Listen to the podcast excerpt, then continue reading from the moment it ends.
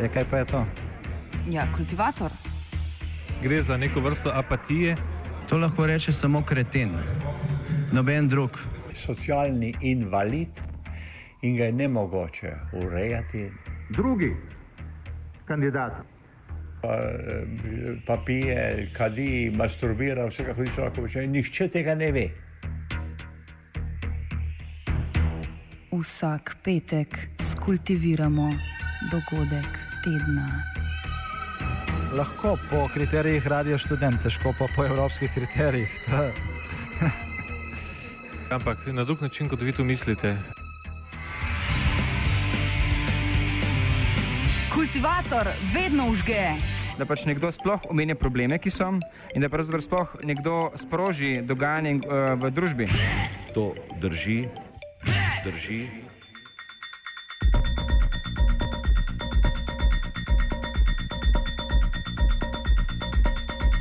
Nacionalni reformni program 2014-15.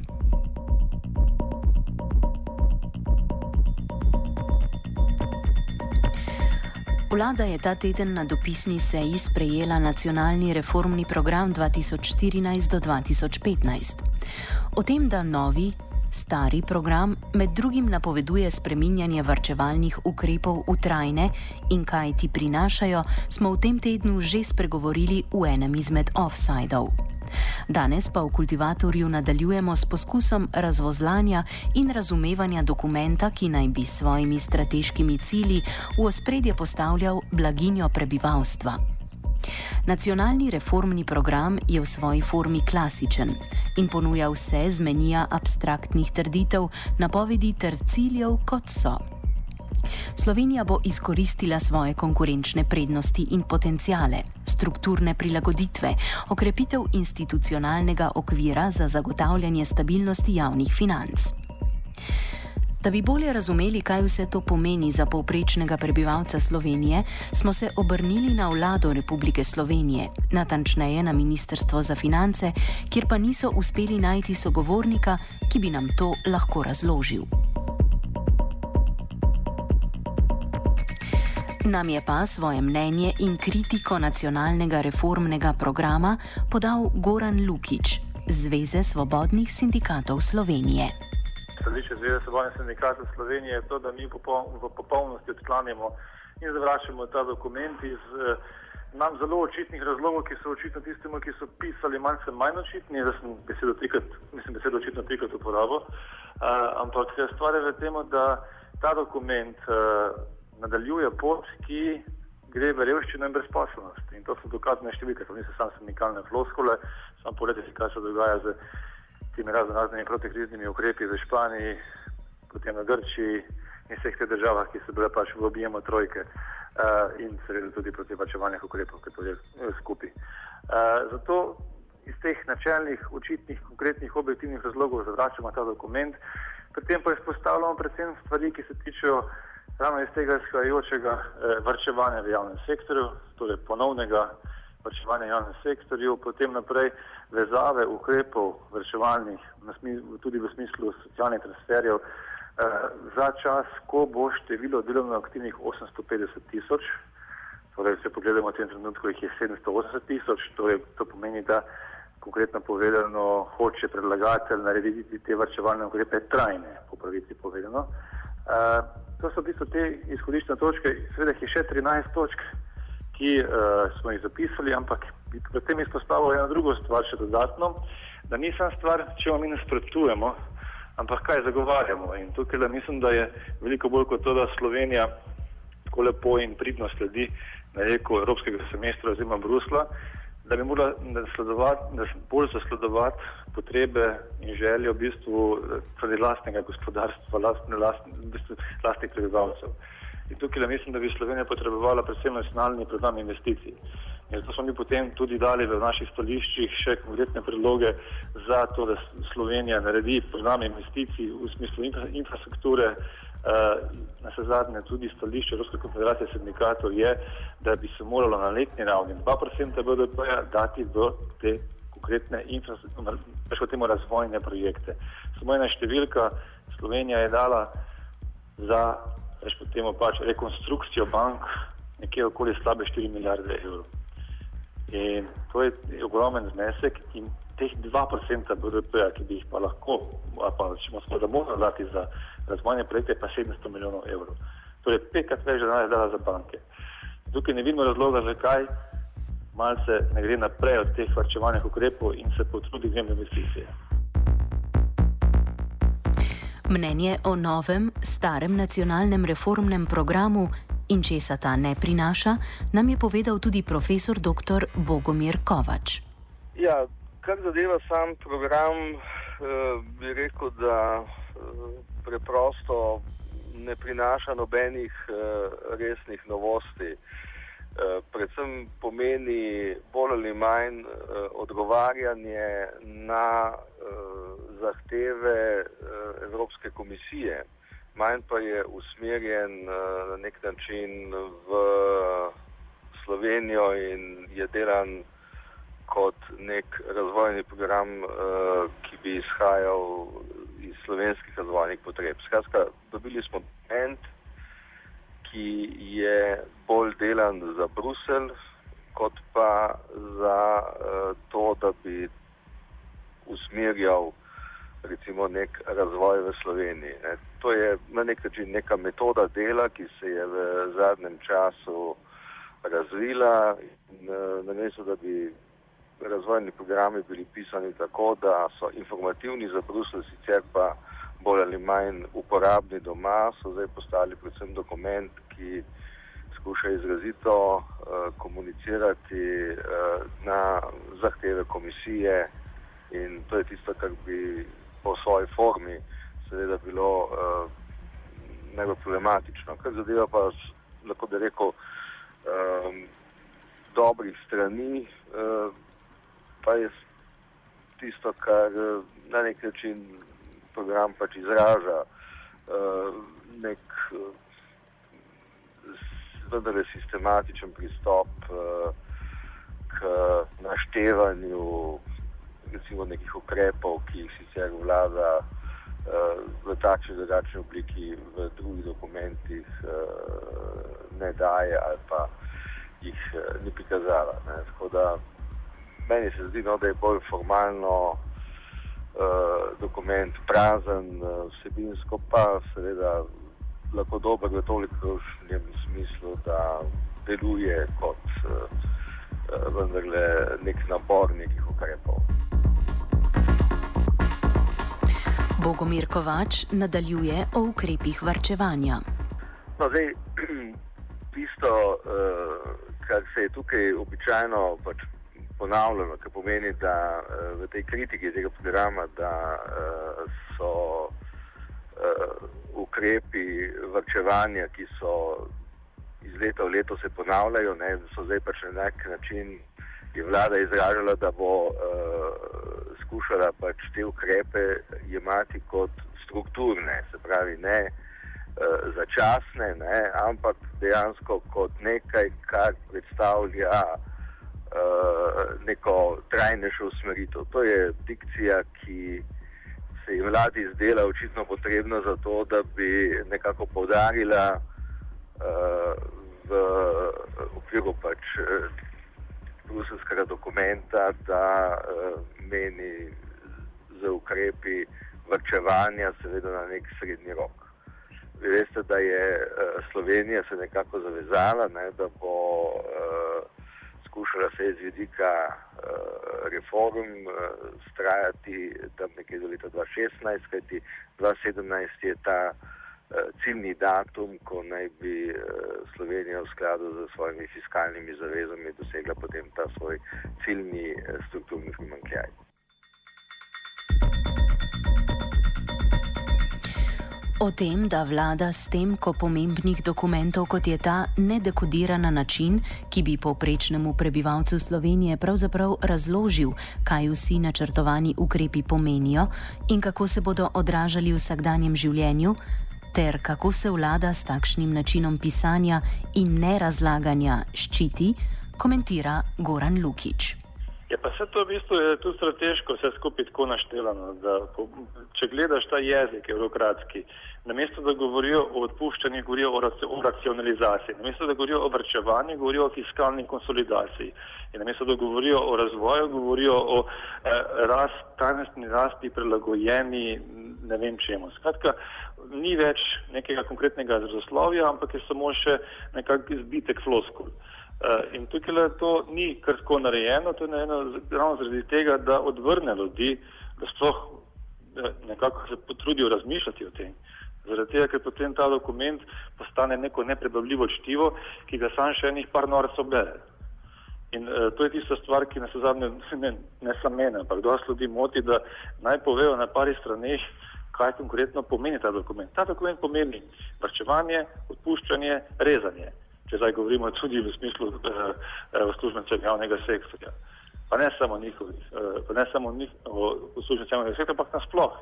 Mislim, meni je neumno, da lahko v enem dokumentu govoriš, da ščitiš državo blaginje, v drugem pa v istem dokumentu pa potem govoriš, da boš rezno vrčeval. In potem še hkrati poveš, da se bodo nova delovna mesta ustvarjala. To ne gre.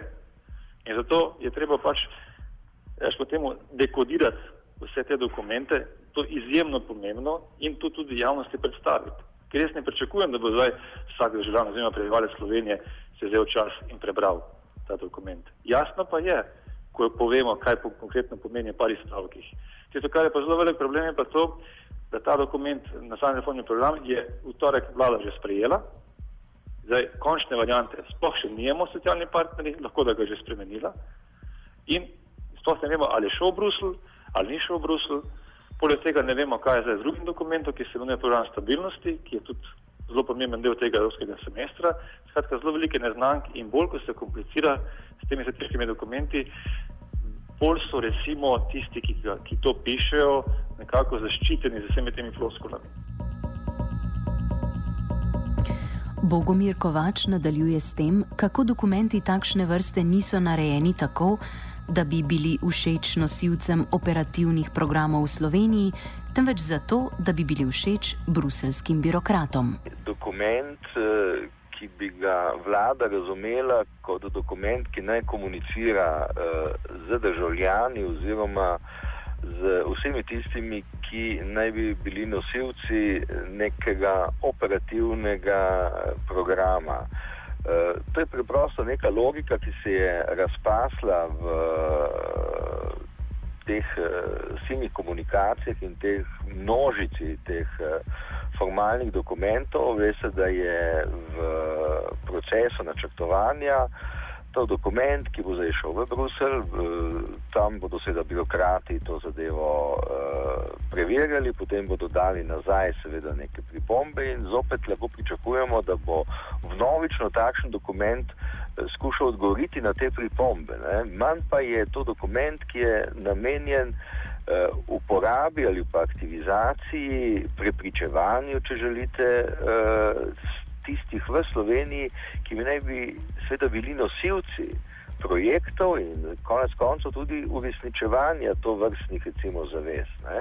Tako da so to zdaj, kot v dobrih starih komunističnih časih, postali dokumenti, ki so namenjeni planerjem.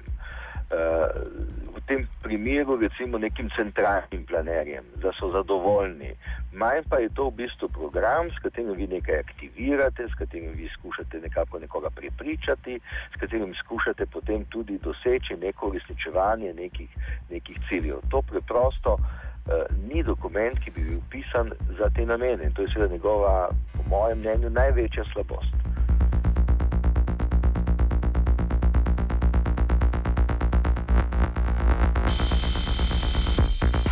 Nacionalni reformni program med drugim mnogokrat omenja tudi vzpostavitev ponovnega zaupanja v sistem delovanja pravne države in države na splošno.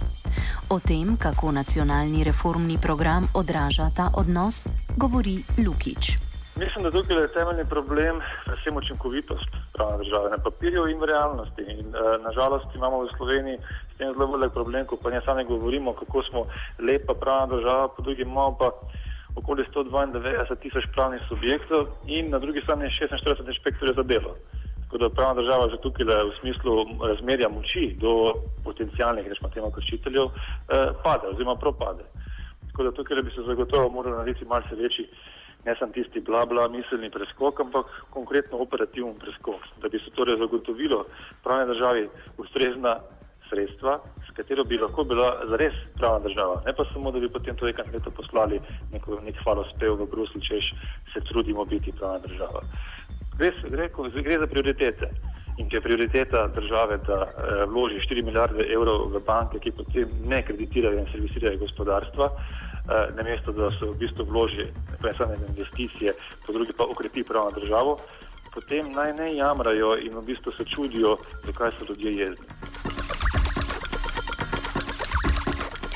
Podobno nadaljuje tudi Bogomir Kovač. No, tukaj gre seveda za neko, neko reči, politično dikcijo. Ne. Bolj ko se zaklinjate uh, glede samega zaupanja, manj ga najbrž je. Ne. Tako da uh, to samo odraža uh, neko očitno stisko uh, političnih oblasti, da uh, je to vrstno ne, reformno početje in da so ti, ti ukrepi vendar nekaj, kar uh, ljudje pač ne bodo sprejemali ne, in zato nekako ustrajajo na tem, ne, da je pravna država, zaupanje, kredibilnost, recimo in tako dalje, nek, neka posebna vrednota. Ne. Ampak ravno to kaže na to, da se je vlada morda zavedala, ne, da z takšnim pristopom je ravno to zaupanje v veliki meri seveda omajano. Uh, nekako zveni, lahko bi rekli, bolj kot uh, neko religiozno prepričanje, manj pa kot uh, v pravem pomenu besede, seveda neka prava dikcija in pravi argument za, za to vrste dokumente.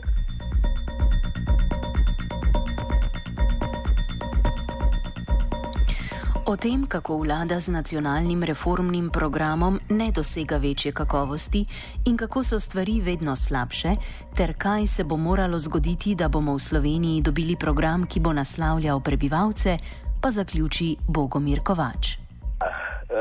To bo takrat, ko bo kakršnakoli vlada čutila, da mora najprej uh, biti odgovorna uh, do svoje države, zato da je odgovorna seveda lahko tudi potem navzven do recimo neke širše skupnosti, kot je recimo Evropska unija. Ko bomo nekako prisegli neke uh, zelo klišejske uh, pristope, treba je, če primerjam ta dokument z tistim iz lanskega leta, ne samo, da je ta manjši po obsegu, ne, ampak je tudi po vsebini precej siromašnejši. Tako da uh, je vlada, ko bi človek pričakoval, da bo zgodba veliko bolj koncizna, da bo na nek način dosegla višjo stopnjo kakovosti uh, v recimo to vrstnem uh, pisanju oziroma uh, odgovarjanju ne, ali Bruslu ali notranjim javnostim, da bo dobila, da bo izdelala kaj boljšega. Ampak ta dokument je po mojem slabši od lanskega. E, kaže zgolj na to, da je pristop bil zelo rutiniran in da pravzaprav morda tudi je vlada sama ugotovila, da e, s to vrstnim dopisovanjem pravzaprav nič kaj posebnega e, ne opravi, niti v Bruslu, še manj pa doma. Ampak težava vlade, te in tudi prejšnje in tako dalje, je to, da pravzaprav ne razume, ne, da so to dokumenti, s katerimi bi mi morali doseči predvsem notranjo usmeritev, notranjo aktivizacijo in tudi eh, notranjo prepričevalnost. Eh, samo v tem primeru bomo seveda tisto, kar je običajno tukaj zapisano, tudi izpeljali. Eh, tako pa to pravzaprav niti ni očitno končni cilj in rezultat tega je, da se potem z temi strateškimi reformami pravzaprav nikamor ničesar ne premakne.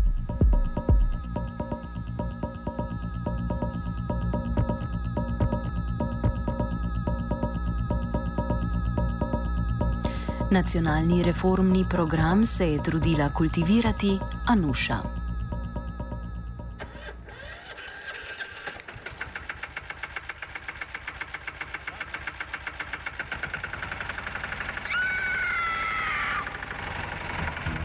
Kaj pa je to? Ja, kultivator. Gre za neko vrsto apatije. To lahko reče samo kreten, noben drug.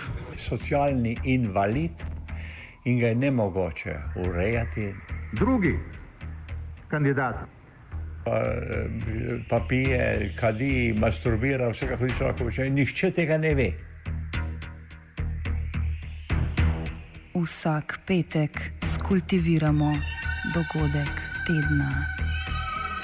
Lahko po kriterijih radio študent, težko pa po evropskih kriterijih. Ampak na drug način, kot vi to mislite. Kultivator vedno užge. Da pač nekdo sploh omenja probleme, ki so, in da pravzaprav sploh nekdo sproži dogajanje uh, v družbi.